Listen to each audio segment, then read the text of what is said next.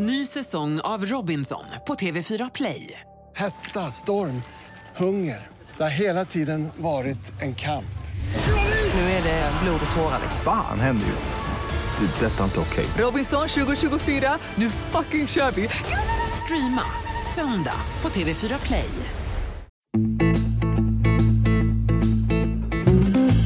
Bara 16 år gammal när han värvades från Djurgården till AIK under uppmärksammade former och spåddes en lysande framtid. Sedan dess har karriären innehållit en hel del motgångar med en skadefylld period i Belgien och ett turbulent uppbrott från Brommapojkarna. Men nu är karriären på väg uppåt igen och i dagens avsnitt av Ettan-podden med mig, Oskar Lund, möter jag Marko Nikolic. Marko Nikolic, varmt välkommen till Ettan-podden. Tack så mycket. Vi ska rivstarta i vanlig ordning och så kör vi igång med den faktaruta som ska föra den här podden framåt. Och eh, då är första frågan ålder. 22. Och ändå känns det som att du har varit med så länge. Aha. Känns som att, jag, varit med länge nu. Men jag kom ju till AIK när jag var 16 så det har gått sex år nu. Ja, den tiden ska vi såklart snacka mer om längre fram. Vi går vidare och eh, då undrar jag över klubb. Vasalund. Som just nu gör succé och eh, när vi spelar in den här podden leder ettan norra. Nästa fråga i faktarutan är sysselsättning. Vad jag, vad jag brukar göra på dagarna och så eller? Exakt, fotboll om du, du har ett jobb vet jag till exempel. Ja, jag jobbar som suppgubbe på morgonen. Sen så går jag och tränar fotboll med Vasalund på eftermiddagen. Och det, så ser min dag ut. Jag, hela dagen är jag upptagen. Ja, och det där är lite intressant att stanna vid tycker jag. För som du var inne på själv, du kom ju fram väldigt tidigt som eh, ja, elitspelare på högsta nivå. Redan när du var tonåring så tillhörde du AIK i Allsvenskan och har varit fotbollsspelare fram tills, ja men ganska nyligen som du har fått börja jobba vid sidan av fotbollen. Kan du berätta lite grann hur, hur den omställningen har varit? Ja, det stämmer bra. Jo, men det är klart som, som du säger, jag, jag, alltid, jag har spelat i klubbar nu som AIK, Brommapojkarna, jag har spelat i Belgien och där, där har jag aldrig riktigt behövt jobba på sidan, där då lönen har, har räckt till. Men nu senaste två åren har jag varit tvungen att jobba för att kunna, för att lönen ska räcka, räcka till då. Och det har, det har ju varit en omställning såklart. Jag vaknar fem på morgonen för att gå upp och jobba. Det har man aldrig gjort förut. Du jobbar, du, du sliter på kroppen och sen går du och tränar efter det. Det är klart att det blir slitage på kroppen och att du känner dig trött. Det är väl det som är den stora skillnaden. Annars, att gå upp och jobba så, det, det, det är inte så jobbigt. Det mesta är bara att det blir så mycket under en dag. Och sen jobbar måndag till fredag och tränar nästan varje dag. Kanske ledig en gång i veckan från träning. Sen har du match kanske på söndag. Då tränar du på lördag morgon så jag är nästan aldrig ledig. Det, det, är väl det som är den stora skillnaden, att man aldrig är ledig. Men jag har blivit van så det är lugnt. En, en, ungefär en vanlig dag då mitt i veckan med fotboll, hur, hur ser den ut? En vanlig dag? Ja. Med, med träning? Precis. Ja, jag vaknar fem på morgonen, går upp, käkar frukost, sen drar jag på, till jobbet, börjar klockan sex, slutar ungefär mellan två till tre och efter det försöker jag käka någonting, någon mellanmål. Sen går jag upp på träning. Man ska försöka vara där mellan halv fyra och fyra. Det försöker jag alltid vara. Och efter det så tränar jag från fyra till halv sex. Sen åker jag hem, hemma vid halv sju ungefär och käkar någonting. Sen, sen är det inte så mycket kvar av dagen. Sen får jag antingen hitta på något med kompisar eller spela dataspel, det gillar jag att göra. Mm. Vad är det som gäller då? då?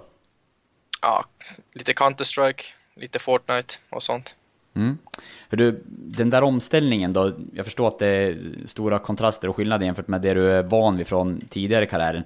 Har det fått dig att liksom fundera på fotbollsframtiden, om det orkar köra vidare och lägga ner den tiden som krävs, när man liksom en gång har fått smak på det här livet med att spela fotboll på heltid på högsta nivå? Eh, förlåt, kan du ställa frågan igen? För jag förstod inte. Nej, men om, det, om, har, du någon gång, har du någon gång tvivlat på om du ska fortsätta satsa på fotbollen med tanke på att du har fått... Ja. Jag menar att livet ser annorlunda ut idag kontra hur du gjorde när du spelade på heltid på en riktigt hög nivå. Jo, det är klart att man har funderat att sluta flera gånger. Jag hade inte så mycket alternativ där efter BP. Så jag är glad att Vasalund kom in i bilden.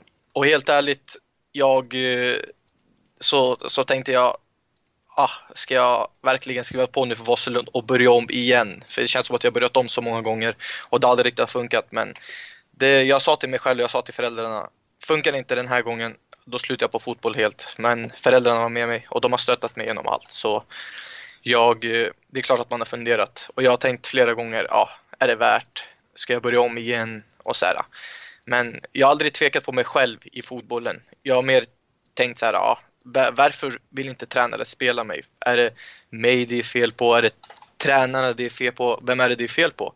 Men eh, nu har jag, jag har haft de två senaste åren två tränare som har litat på mig. Förra året hade jag Nebojsa Novakovic och det här året har jag Dali som eh, båda två har eh, båda två har litat på mig och trott på mig som fotbollsspelare och det är jag väldigt tacksam över och kommer vara evigt tacksam om jag lyckas i fotbollen, vilket jag hoppas att jag gör. Ja, man får verkligen säga då att eh, det där sista chansen som det här har varit, eh, som du beskriver det, eh, den har du tagit, för nu, nu går det uppåt igen. Ja, det är på väg uppåt igen. Man får ta i trä och knacka, men vi, vi, vi, får se. Det går bra för hela laget, det är det viktigaste. Förra året, det kan gå bra för en, en enskild spelare, men går det inte bra för laget så spelar det ingen roll. Vi har ett exempel på Ekin Bullet som gjorde 26 mål. Det gick, bra, det gick bra för honom, men laget gick ju helt okej. Okay. Ändå blev han kvar. Han hade säkert alternativ och så, men säkert inget som han var nöjd över. Det måste gå bra för laget för att det ska kunna gå bra för en själv om man, om man vill lyckas. Det handlar inte bara om en spelare, det handlar om laget. Ja, och Eken som du säger klar för Sirius från nästa säsong, men ja. han stannar kvar och eh, försöker vara med och eh, föra er i Vasalund upp till Superettan. Vi ska såklart snacka lite grann om eh, din framtid och eventuella steg uppåt eh, igen lite längre fram, men först ska vi gå vidare i faktarutan. Ditt bästa fotbollsminne? Hmm, mitt bästa fotbollsminne? Eh, ja, det måste nog vara när jag hoppade in första året i AIK efter att jag gått från Djurgården till AIK, när jag hoppade in i derbyt. Och jag joggade där på sidlinjen och värmde upp. Och jag såg, för vi, när man värmer upp på Friends Arena så värmer man upp, man värmer upp där var borta klacken står. Så jag värmde upp och direkt när jag började värma upp, alla sprang ner, alla från Djurgårdens, inte alla men de flesta sprang ner där mot hörnet och bara skrek så massa fula ord och där jag bara garvade. Och i 70 minuten så hör jag bara Nebo skrika till mig Marco, Marco! Och jag fattar inte han skrek på mig. För jag, jag var inte van att hoppa in i 17 Jag var van att hoppa in typ i 85 90 minuten och så bara för att stänga matchen. Men i 70 så skriker han på mig, det står 1-1 mot Djurgården. Han skriker Marco! Och jag fattar ingenting för det är så högljutt i derby. Och sen ska han bara, vill du in eller? Så jag tänkte, skojar han med mig? Ska jag in nu? Mot Djurgården, säger derby. Och jag, det är precis det året jag gått från Djurgården till AIK. Det har varit så mycket snack om det. Han bara, ajde, ajde, kom du ska spela. Så tänkte jag, oh shit alltså. Jag var så jävla nervös. Men det är ett minne jag kommer ta med mig för resten av livet. Det var så jävla häftigt och jag hoppade in och jag gjorde det faktiskt ganska bra. Matchen slutade 1-1 så jag fick inte avgöra men det kommer nog, det är nog det bästa minnet jag har. Ja, det är lätt att förstå en eh, stor match på en eh, stor arena och som du säger, det, det, fanns ju en historik där för att du gjorde succé som eh, ungdoms juniorspelare i Djurgården men valde då att gå till AIK där du fick ett A-lagskontrakt. Vad minns du från den tiden och övergången som du gjorde? Nej men jag minns att det gick snabbt för att jag var med, jag var med där i... Jag blev kallad till landslaget. Jag hade inte blivit kallad tidigare, men jag blev kallad till en samling i La Manga som, som, jag, åk, som jag åkte på då och gjorde det väldigt bra där borta. Och AIK var på, sam, på samma ställe, de var ju också i La Manga och jag hade hört typ att de hade tittat på matchen och så här, men det var inget jag hade i åtanke ens. Så, så, det, så jag kommer tillbaka från La Manga och spelar fotboll som vanligt för Djurgården och då är det precis den här perioden då man, går, man tar steget från U17 upp till U19. Och, och så, jag hade inte fått något kontraktförslag från Djurgården alls och så och sen, sen när jag väl ska få kontraktförslag från Djurgården så erbjuder de mig ett U19-kontrakt. Och då tänker jag okej, okay, jag, jag har aldrig er, blivit erbjuden kontrakt innan så jag har ingen aning. Och min familj visste ju ingenting så vi hade ingen aning. Så vi tänkte okej, okay, men vi, vi väntar lite och, och ser och vi kan snacka om det lite senare. Så, så från ingenstans kom jag hem från skolan en dag och jag hör bara farsan säga Vet du det sjukaste hände nyss? Då tänkte jag, jaha, vad har hänt nu? Han säger, vad tror du om AIKs A-lag? Då, då, då skrattade jag, vadå AIKs A-lag? Han bara, AIKs A-lag, de vill ha dig. Då tänkte jag, nej men det är helt omöjligt. Jag spelade U17 förra året. Året innan det var jag i IFK Haninge, äh, P15. Det, det gick så snabbt. Så jag tänkte bara, nej men det, det är omöjligt, ni måste skoja. Sen bara, nej. nej då hade Nebojsa Novakovic ringt pappa och sagt att AIK var intresserade. Då tänkte jag, ja men det kan ju omöjligt vara A-laget. Det är, det är bara ett skämt. Ja, det gick snabbt så, där. Ja, det gick snabbt. Då tänkte jag, ja men vad fan, så min pappa tog reda på mer och ringde upp och så här, som en AIKs A-lag ville ha mig och jag, jag, jag, fattade ingenting. Jag var bara 16 år, jag tänkte, vad fan hände här? Förra året var jag i IFK Haninge, P15 spelade. Sen, jag, jag hade gjort succé i U17, ja, men att ett A-lag ska komma och ta en U17-spelare, en 16-åring, det, jag tror inte det har hänt någonstans. Och att, att, de, att de tar mig från Djurgården, så här rivalklubb, jag tänkte ja, det, det, här, det här måste vara något, något påhitt. Men det var sant. Och, så, jag satt, jag, så vi satt där och de erbjöd kontraktförslag och det var, det, det var då jag fattade att allt, allt stämde och så. Jag fattade fortfarande ingenting när jag skrev på. Jag tänkte bara, vad fan har hänt nu liksom? Och jag visste inte hur stort det var. Jag, jag, alltså jag fattade inte ens hur st stor rivalen var mellan AIK och Djurgården. Och jag, jag, kan inte fatta än idag att man kan bli så arg på en 16-åring som bara spelat i Djurgårdens U17 som går till AIK. Det hade, varit, det hade varit annorlunda om jag blev erbjuden ett A-lagskontrakt i Djurgården och att de verkligen ville satsa på mig. Då hade jag kunnat förstå. Men jag blev erbjuden ett U19-kontrakt i Djurgården och så blev jag erbjuden A-lagskontrakt i AIK. Ja, det spelar ingen roll om det är Barcelona, Real Madrid eller om det är AIK och Djurgården. Det är klart att man väljer det kontraktet som gynnar en själv. Det är en självklarhet. Så jag tänkte inte ens på det. Jag, jag skrev för AIK. Det var, det var det som gällde. Ja, men du är inne på det lite grann med, med reaktioner och sådär. Vad, vad fick du ta emot då? Vad, vad var det för reaktioner som kom till dig? 16 år gammal, gått från Djurgårdens uh, ungdomsverksamhet då egentligen till AIKs mm. A-lag i Allsvenskan. Nej, det är klart att det var, det var starka reaktioner på media och så här. Djurgården hade någon, någon hemsida som föräldrarna läste där de hade skrivit upp vår hemadress och så här de hade samlat ett gäng som skulle komma hit och slå sönder mig och familjen och så här. Det var så här massa rasistiska kommentarer om, om mig och så här. Men jag sket i, jag orkade inte ens bry mig. Alltså det var bara... Varför ska jag bry mig om sånt? Jag vet, ingen kom hit, ingen gjorde någonting och även om det skulle hända, det, vad ska jag göra? Det, alla, alla hade gjort samma sak som mig. Alla. Om inte man är extrem djurgårdare eller extrem aik vilket jag inte är något av dem.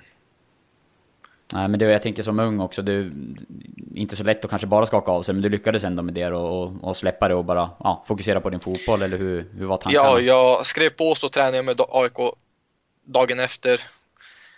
Det, det, var viktigt också att jag kom bort lite från Stockholm, för AIK hade precis träningsläger då. Vi åkte till Kina i 12 dagar. Då fick jag lära känna truppen och så skaka av mig allting från media och sådär. Så det var också en viktig del. Ja, hur var det då att komma in i det där AIK? Som du säger, du hade spelat P15 fotboll bara något år tidigare. Nu kom du in i en miljö med etablerade stjärnspelare i Allsvenskan, spelare med meriter från olika landslag och, och som varit utlandsproffs och så vidare. Hur var det att komma in i den miljön i det läget som du var i då? Exakt, det var ju... Man märkte direkt på tempot och allting. Så här, man kommer till AIKs anläggning och man har mat och frukost och, och så här, du duschar för, för, så att alla får plats. Det är inte så här två duschar som du i U17 där man måste vänta på sin tur utan det är så här, allt var så proffsigt och man tänkte, ja, vad är det här liksom?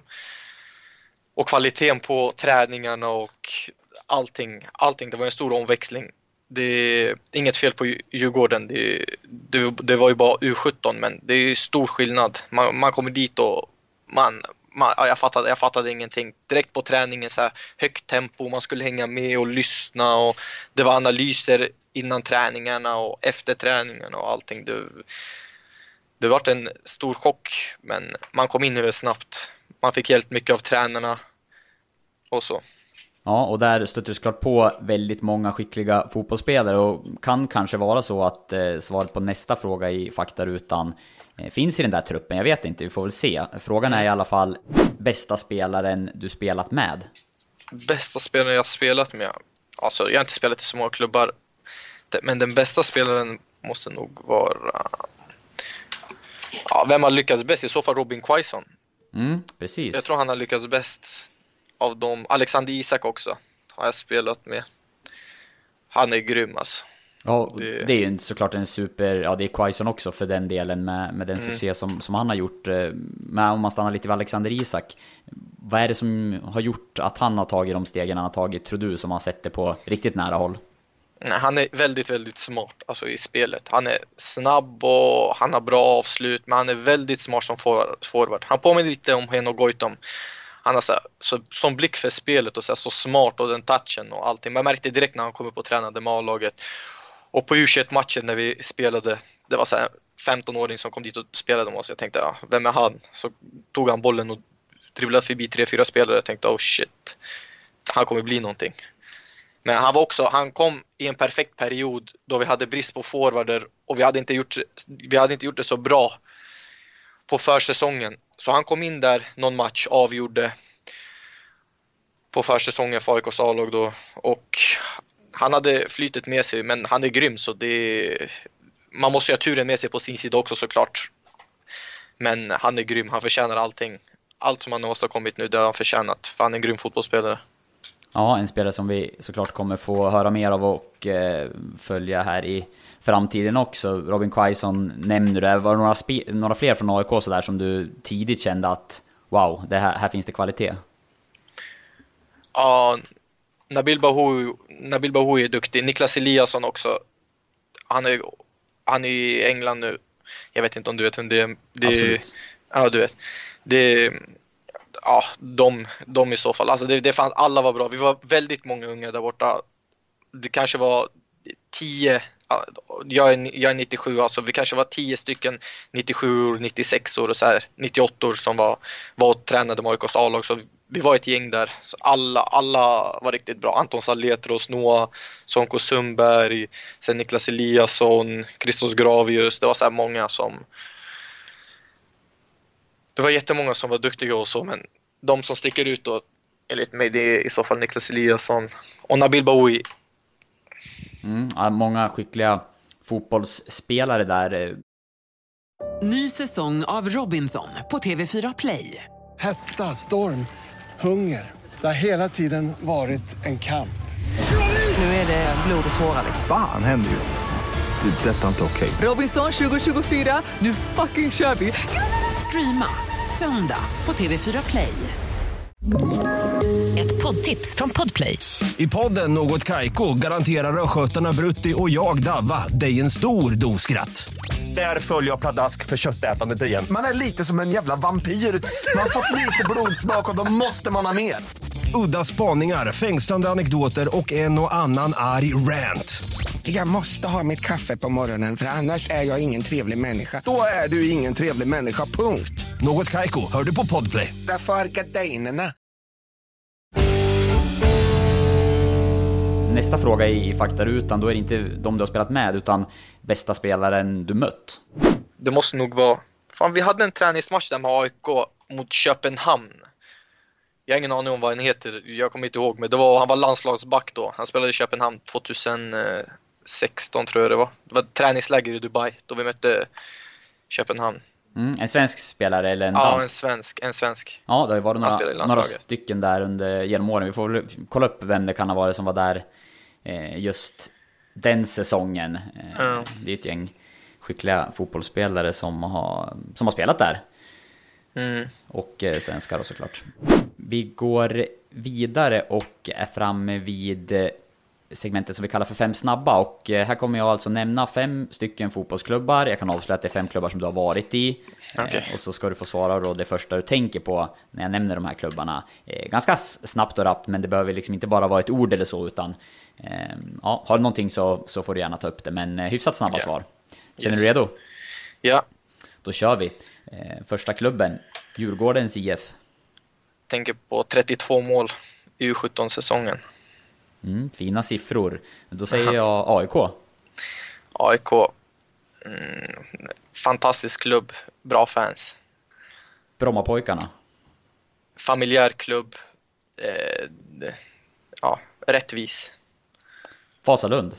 Vasalund, mycket talanger, bra klubb för, för talanger. Och sista klubbnamnet får vi se hur pass rätt ut det är med mitt uttal, men KVC Västerlo tror jag de heter. Aha, Västerlo, ja, jag, vet inte vad det är för, hur, KVC tror jag det är också. Ja. Det är Västerlo, eh, professionell, bra klubb, familjär. Mm, snyggt! Eh, Vi ska stanna lite grann där då vid den sista klubben. Vi kommer komma in lite mer på, dem, på några av de andra också. Men du hamnade ju i Belgien efter, eh, ja inte direkt efter tiden i AIK, men, eh, men lite senare i karriären. Hur var det? Ja, nej, jag fick ett samtal från, eh, det var, jag hade precis slutat i AIK då, mitt kontrakt hade gått ur. Det var december, jag tror exakt innan jul eller efter jul, jag kommer inte ihåg. Så klockan är 12 på kvällen, jag ligger hemma och kollar på någon serie. Så jag får bara ett samtal av min agent Nenad Lukic. Han säger, är du redo imorgon sex på morgonen? Du åker till Spanien, du ska träna med en belgisk klubb. Då tänkte jag, va? Sex på morgonen? Jag, klockan är 12 nu, och jag måste hinna packa, lämna hundarna och allting. Hur ska jag? Jag hinner inte göra någonting. Han säger, jo, imorgon sex på morgonen gå, åker ditt flyg till Spanien, du ska träna med en belgisk klubb. Tänker jag okej, okay. så jag packar mina grejer, jag hinner knappt sova en timme. Så jag tar flyget, åker till, jag kommer inte ihåg exakt vart det var i Spanien, men det spelar ingen roll. Så jag åker dit, tränar, alltså det sjuka var att det var i december så man är ju helt ur form. Och du vet, jag hade inte tränat något speciellt, jag hade bara joggat lite så här på löparbandet i gymmet och kört lite överkropp. Jag hade inte kört fotboll alls. Så jag kommer dit och jag gör de jag, jag var där en vecka, jag gör de alltså, bästa träningarna i hela mitt liv. Jag fick chock själv. Jag bara, hur fan, hur fan kunde jag vara så här bra när jag var helt ur form? Så de valde att skriva kontrakt med mig. Vi skrev bara ett halvår då för att klubben var inte säker på om den skulle, vara om den skulle stanna kvar i högsta ligan och så. Vi började med ett halvår. Så tiden där var bra, jag hade bra kontakt med tränaren och tränaren sa om vi stannar kvar i högsta ligan så vill jag skriva nytt med dig för jag vet att du kan vara viktig, viktig för oss nästa år. Och så jag var skadad ganska mycket okay. när jag var där borta så jag fick inte spela, jag fick hoppa in en match. Och sen efter det jag var skadad, jag hade problem med knät och så här men jag, det var, det var, det var typ, det var typ den mesta delen Mm. I Belgien. Trivdes du? Belgien är ju sådär ett land som eh, man nästan har börjat eh, skämta om inom svensk fotboll, att ingen, inga svenska spelare lyckas när de Aha, går dit. exakt. Hur var, det, hur var din upplevelse av klubben och belgisk fotboll? Nej, det, är, det är tuff fotboll. Det det är som allsvenskan, kanske snäppet högre än allsvenskan. Medelklubbarna, och, eller klubbarna som kommer i mitten och lite längre ner i tabellen, de, det, är, är typ allsvenska, allsvensk nivå. Alltså den toppklubbarna, det är Klubb Brygge och vet, Genk och sådana där, Anderlecht. De spelar ju Champions League och Europa League varje år så det är riktigt hög kvalitet. Men mittenklubbarna och ner i tabellen, vi, vi kom ju sist det året så vi var ju, ja, vi var ju bra men inte tillräckligt bra för att stanna i högsta ligan. Men kvaliteten där borta den, den är bra. Den är riktigt bra. Det är tuff fotboll, det är mycket kamp om bollen och det är inte fin fotboll. Fin fotboll hittar du i Holland. Belgien är det mer så här kamp. Ja, det är som du sa, du hamnade, det var ju precis direkt efter sessionen i AIK, du hade varit utlånad lite grann till Syrianskan och vända där säsongen innan, men sen gick kontraktet med AIK ut och då hamnade du i Belgien. Hur, vad minns du av det, sista tiden i AIK och att ni valde att gå skilda vägar? Hur var dialogen och relationen där? Mm, jag hade fått reda på ett halvt år innan, innan kontraktet var slut att de inte skulle skriva nytt med mig och att det, det var när jag var utlånad till Syrianska då på sommaren. Då sa jag okej, okay, jag förstår, men jag skulle vara där och träna ändå. Försöka hålla igång tills jag hittar en ny klubb. Så jag var där och tränade, mestadels som en kona. Bara försöka hjälpa spelarna och de som startade då och, och lyckas. Jag var, alltså man blir ju utfryst, det blir ju så tyvärr. Man har sina kompisar där som, som man snackar med dem, man har roligt och så. Man blir utfryst på träningarna, man får inte vara med ibland. Ibland hamnar jag som mittback, ibland vänsterback för att för att laget ska gå så bra som möjligt och försöka ge stöd till laget. Men det vart så. Jag, eh, jag visste att jag inte skulle skriva nytt med dem. Så sista halv, halvåret det var tufft. Men eh, det är sånt, sånt är livet. Sån, sån är fotbollen. Den är tuff och är inte du tillräckligt bra då straffas du. Hur, hur, ser du då på, i efterhand på beslutet att, eh, att gå till AIK från Djurgården? För som du sa, det var ett väldigt stort steg såklart då. Och eh, ja, men utfallet i slutändan blev ju att du, att du lämnade AIK. Hur tänker du kring eh, ja, dels beslutet att gå dit och sen tiden du hade i klubben? I AIK? Precis. Ja, nej, jag... Det är klart nu i efterhand att man tänker att, alltså det, det var inget fel beslut tycker jag inte. Att om du får kontraktförslag från AIK när du är 16 år, alltså jag tror inte någon tackar nej till det där. Det handlar bara om planen därefter. Det finns ingen plan för en 16-åring att komma och leverera i AIKs A-lag. Det finns ingen plan för att jag ska starta den närmaste tiden. Kanske när jag är 17-18 men det finns inga 17-18-åringar som spelar i AIK. Nu finns det för att, men vi ser hur det går för AIK nu. Nu finns det, men det fanns inte på den tiden. Då man konkurrerade med Henok Goitom och Mohamed Bangura och, och sådana där spelare. Det, det fanns inte på världskartan att jag skulle spela. Utan jag, jag tänkte att de värvade mig som alltså en femårsplan.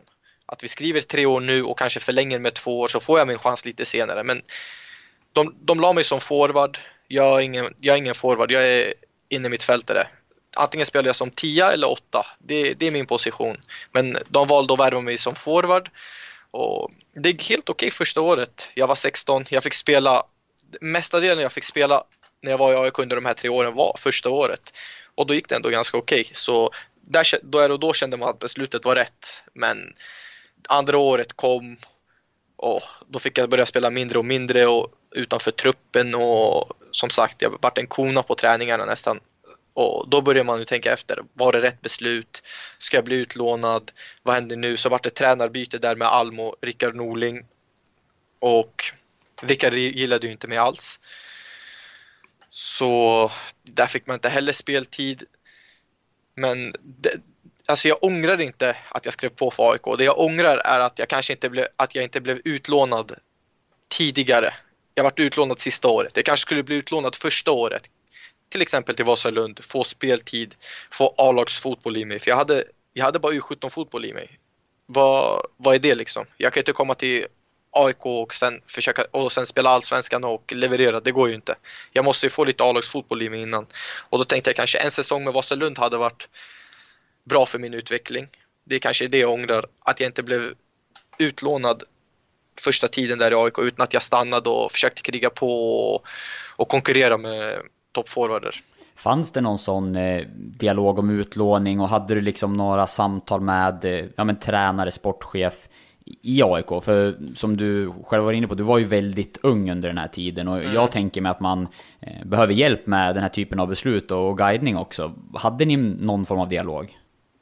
Nej, alltså vi hade ingen dialog om utlåning utan första året det gick så bra för mig att jag vart nästan tredje forward och att vara tredje forward i AIK, du vet att du kommer hoppa in nästan varje match för att leder du matcherna vill du stänga igen så då, tar man in då tar man in den andra forwarden för att, för, för att det ska vara lite mer defensivt. Ligger ni under en match, då vill man ta in en forward för att göra mål. Så tredje forward i AIK, du vet att du kommer hoppa in och spela. Så vi hade absolut inga tankar på utlåning under den perioden. Och jag hade bra dialog med Alm och han sa nästa år är ditt år och så här. Ja. Så, kom, så kom andra året och ja, det vart inte så. Vi värvade kanske tre forwarder, jag vart fem, femte forward till slut och ja, jag hade inte ens tankar på utlåning då heller. Varför vet jag inte. Vi hade inga dialoger om det. Det var sista året som var så här, ja, eh, utlåning till Syrianska, hur låter det? Ja, ah, okej, okay. jag har ändå inte spelat, det låter väl, det låter väl bra. Och så här, du vet, när sportchefen kommer fram till dig och säger ja, ah, utlåning till Syrianska, hur, hur låter det? Då blir det så ah, de, alltså, de räknar inte ens med mig för fem öre. Så då vart det så ah, det är klart att jag inte ska stanna här. Jag går till Syrianska och försöker, försöker leverera där så kanske en annan klubb vill ha mig. Ja, och hur det gick vidare, det har vi ju varit eh, inne på.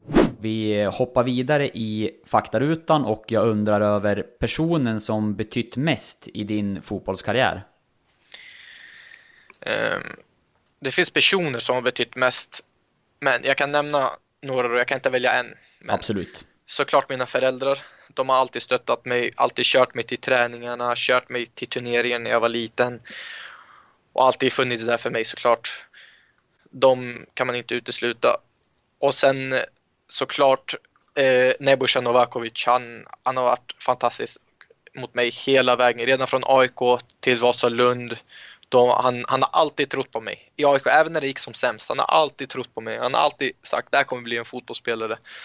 Och han har alltid trott på mig. Och han har alltid försökt hjälpa mig hur jag ska röra mig på planen och eh, till, eh, till hur jag ska, hur, hur, hur min blick ska vara över spelet och allting. Han har, han har försökt hjälpa mig med allting. Ja, sen nu också såklart eh, Dali nu som har gett mig en stor roll i Vasalund och det är jag tacksam för. Han, är, han, han har trott på mig väldigt mycket och han, han har gett mig det här självförtroendet som jag behöver nu senaste året. Och sen min agent såklart som aldrig har slutat kämpa för mig. Nenad Lukic. Han har alltid varit där för mig och kämpat för mig. Ja, härligt. Och eh, Dali, det är alltså Dalibor Savic som eh, tränar er i Vasalund eh, den här säsongen. Eh, Nebojsa blir man ju nyfiken på såklart. En eh, stor profil var han både som spelare och eh, arbetar nu som tränare. Du hade honom också i, i Vasalund förra säsongen eh, och, så, och tidigare då i AIK också. Vilken mm. relation har ni idag? Nej, vi snackar, alltså ser vi varandra så hälsar vi såklart. Det, det, vi snackar inte varje dag, men alltså vi har bra relation. Vi, min pappa kom ju samtidigt som honom från, Ser från eh, Serbien hit för att spela fotboll. De kom i samma flygplan så de har känt varandra sedan dess. Jag kommer inte ihåg när det var, 92 eller något sånt tror jag. Så de känner varandra bra och de har mer kontakt än vad jag och han har. Men jag och Nebo, fantastisk kontakt och det är en fantastisk person som du kan alltid fråga honom om råd och så. Du kan skriva till honom när du vill på dygnet och han kommer alltid svara och försöka hjälpa dig. Så det, vi har den relationen. Vi snackar inte varje dag men snackar vi så, så är det på riktigt och man vet, vet. Han vet hur mycket han har betytt för mig under karriären. Ja, härligt att höra och du, du nämnde Dalibor där också då, som sagt som har gett dig en stor roll nu. Du är lagkapten och eh, leder det här eh, Vasalund som gör verkligen succé i ettan. Ni leder serien, du har öst in mål, blivit utsedd till seriens bästa spelare på, på våran sajt bland annat. Eh, berätta lite grann, vad, vad är det ni håller på med just nu? Ja, det, det undrar vi också.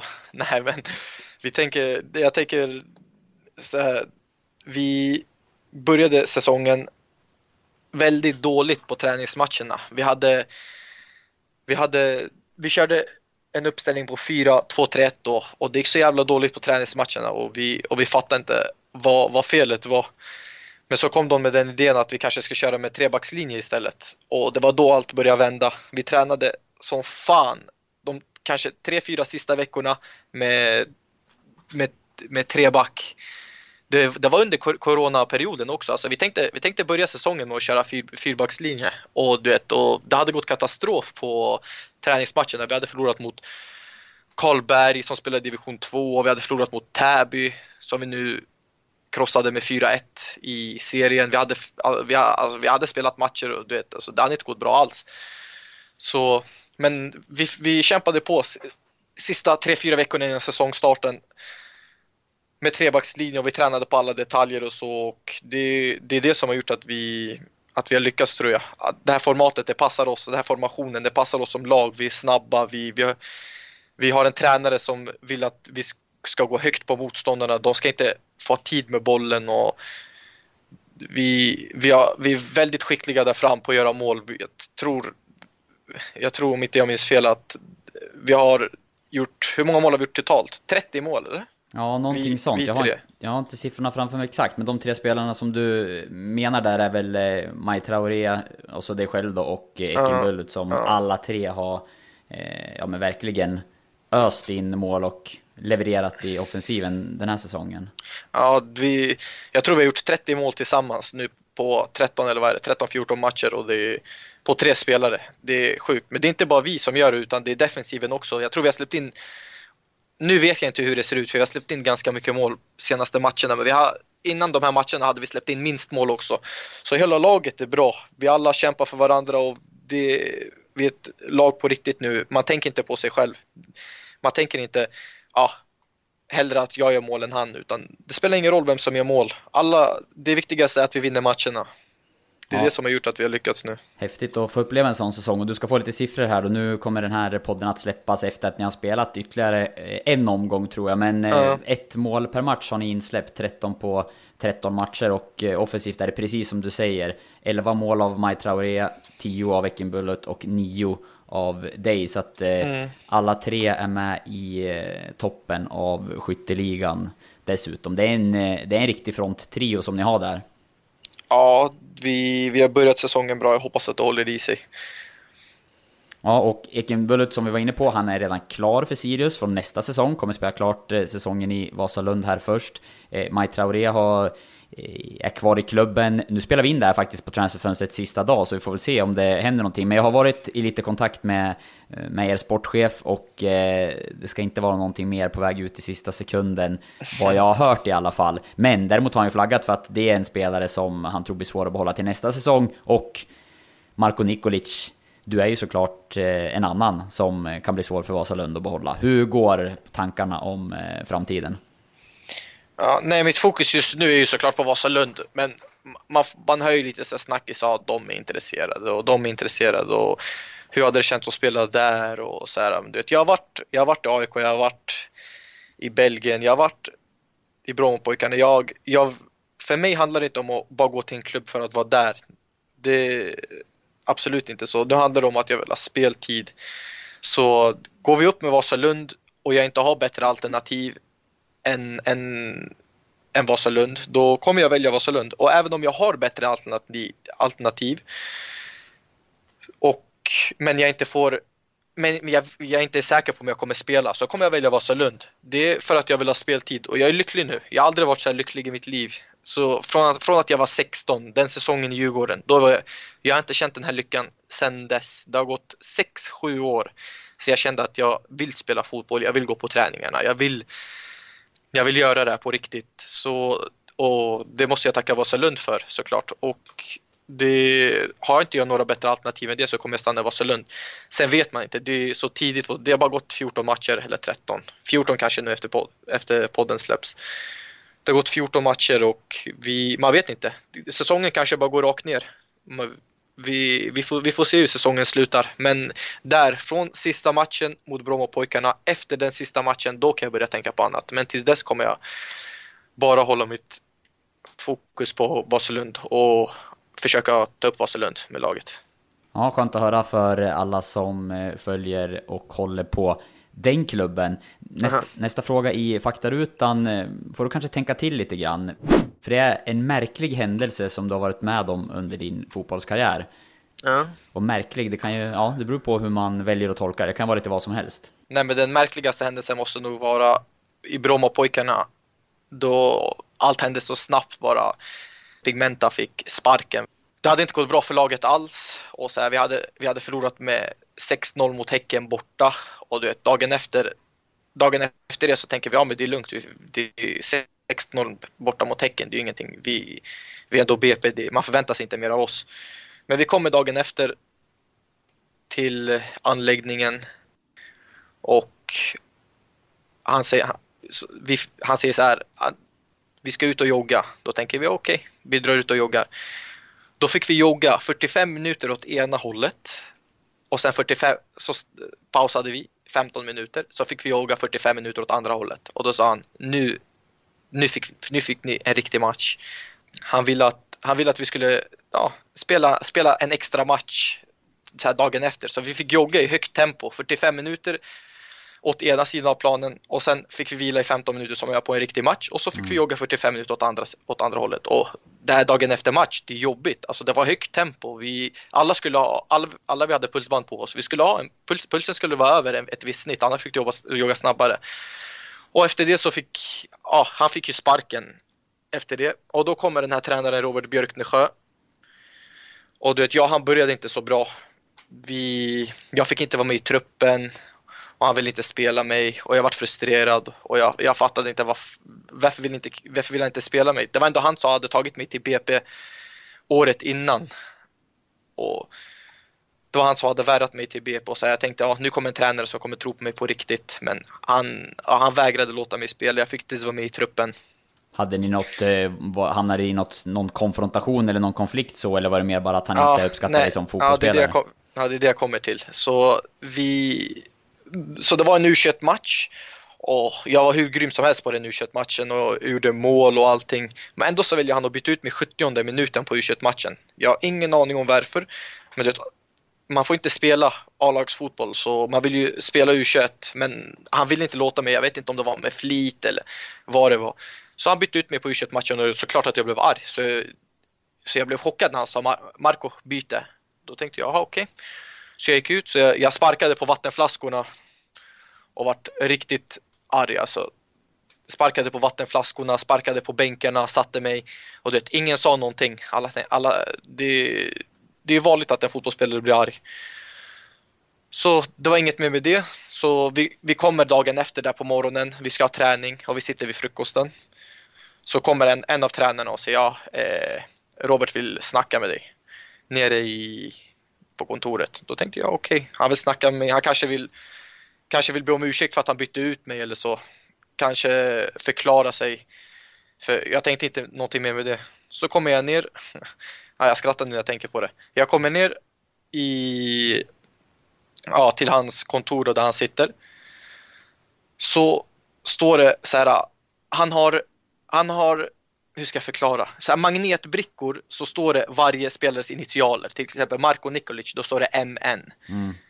Och kanske Eh, om, om det ska stå Robert Björknesjö, då står det RB.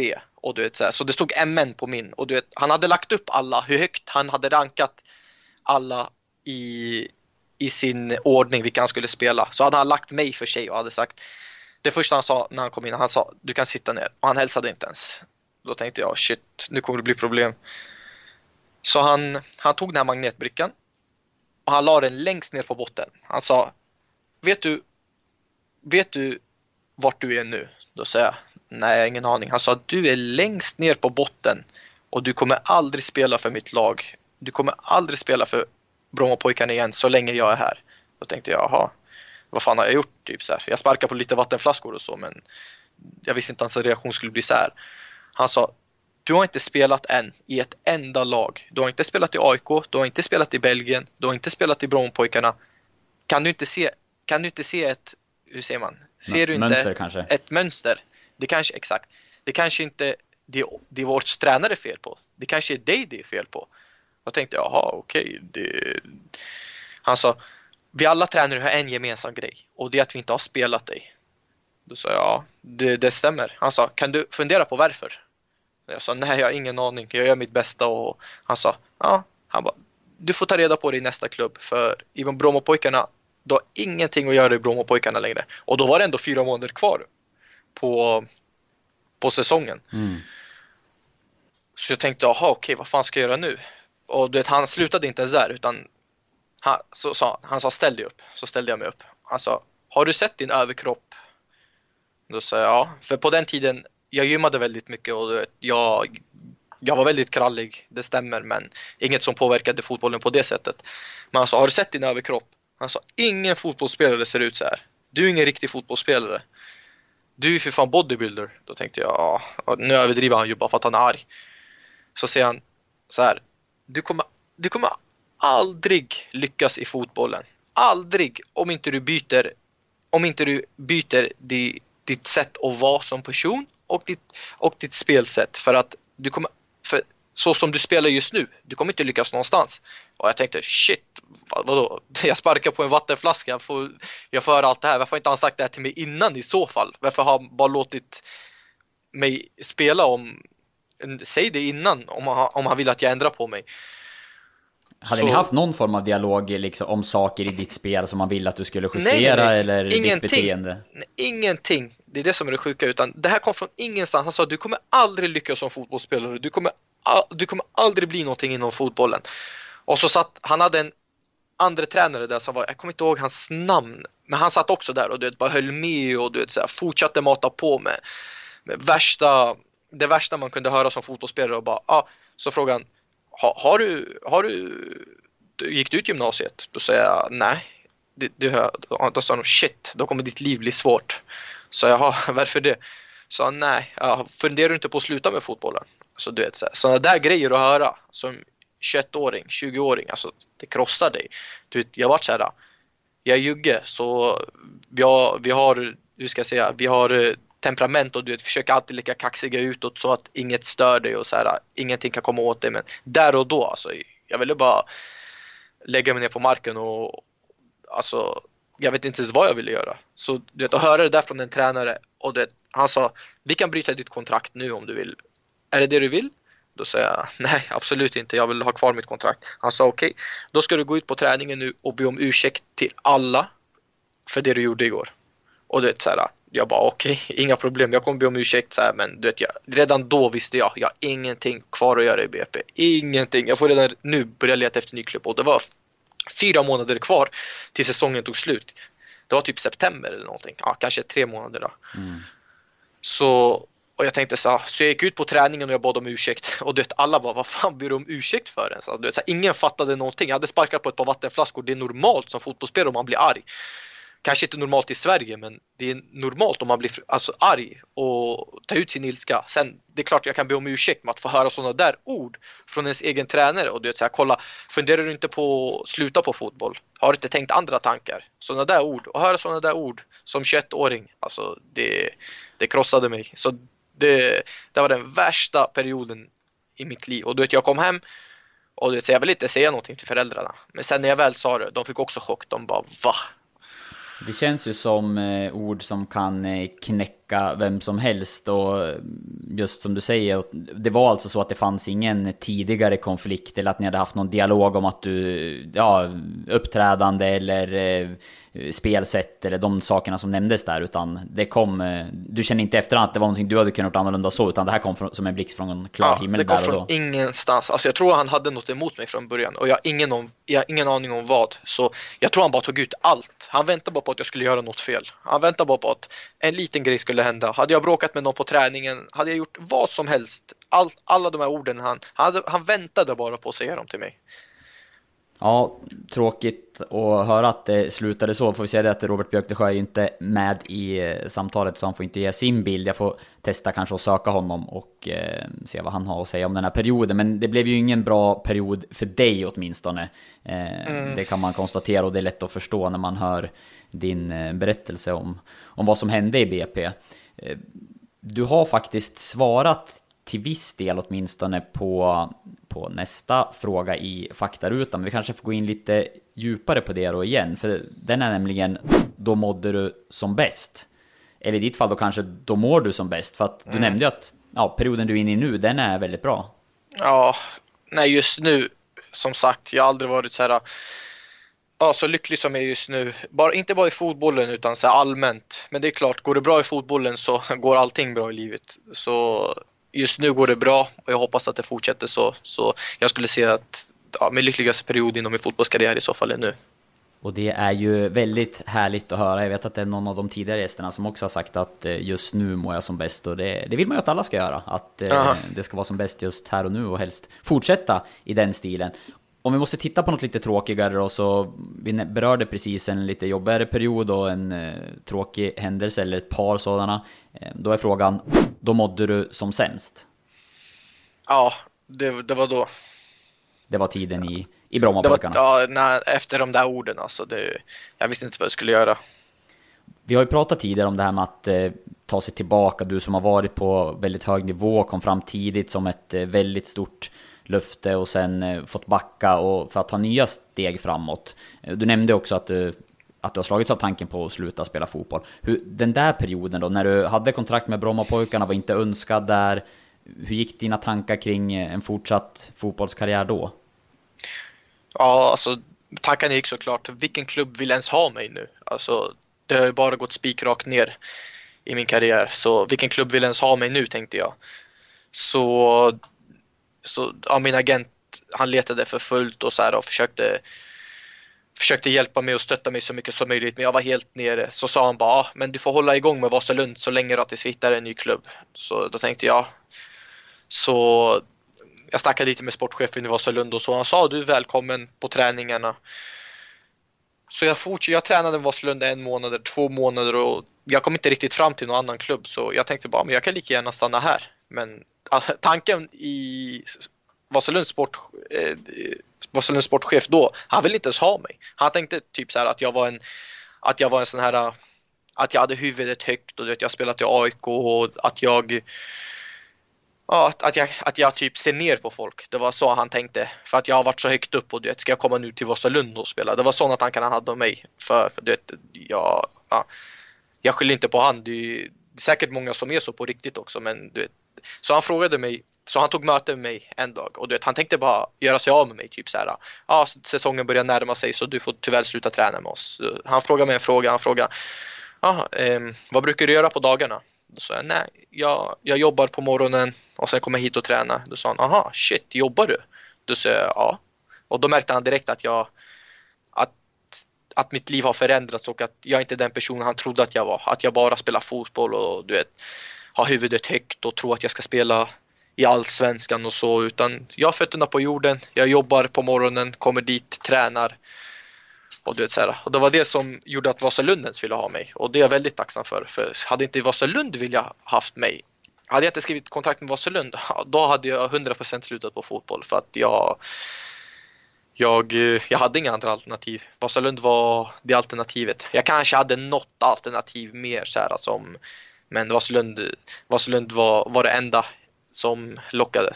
Vad tror du att eh, den där bilden som han hade av dig då, att eh, som du själv säger, huvudet högt och eh, att du skulle se, se ner på den nivån eller, eller så.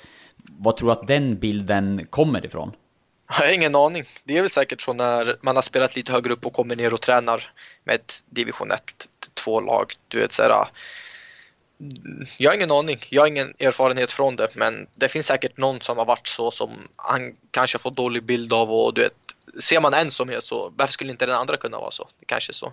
Men det är ingenting som du känner att du, att du själv har, ja men att det har varit så, att man förändras över tiden, utan eh, det är mer en bild som kom från någonting annat, eller hur upplever du det?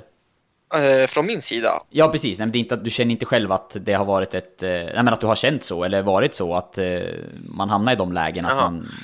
Nej, det, det har inte varit...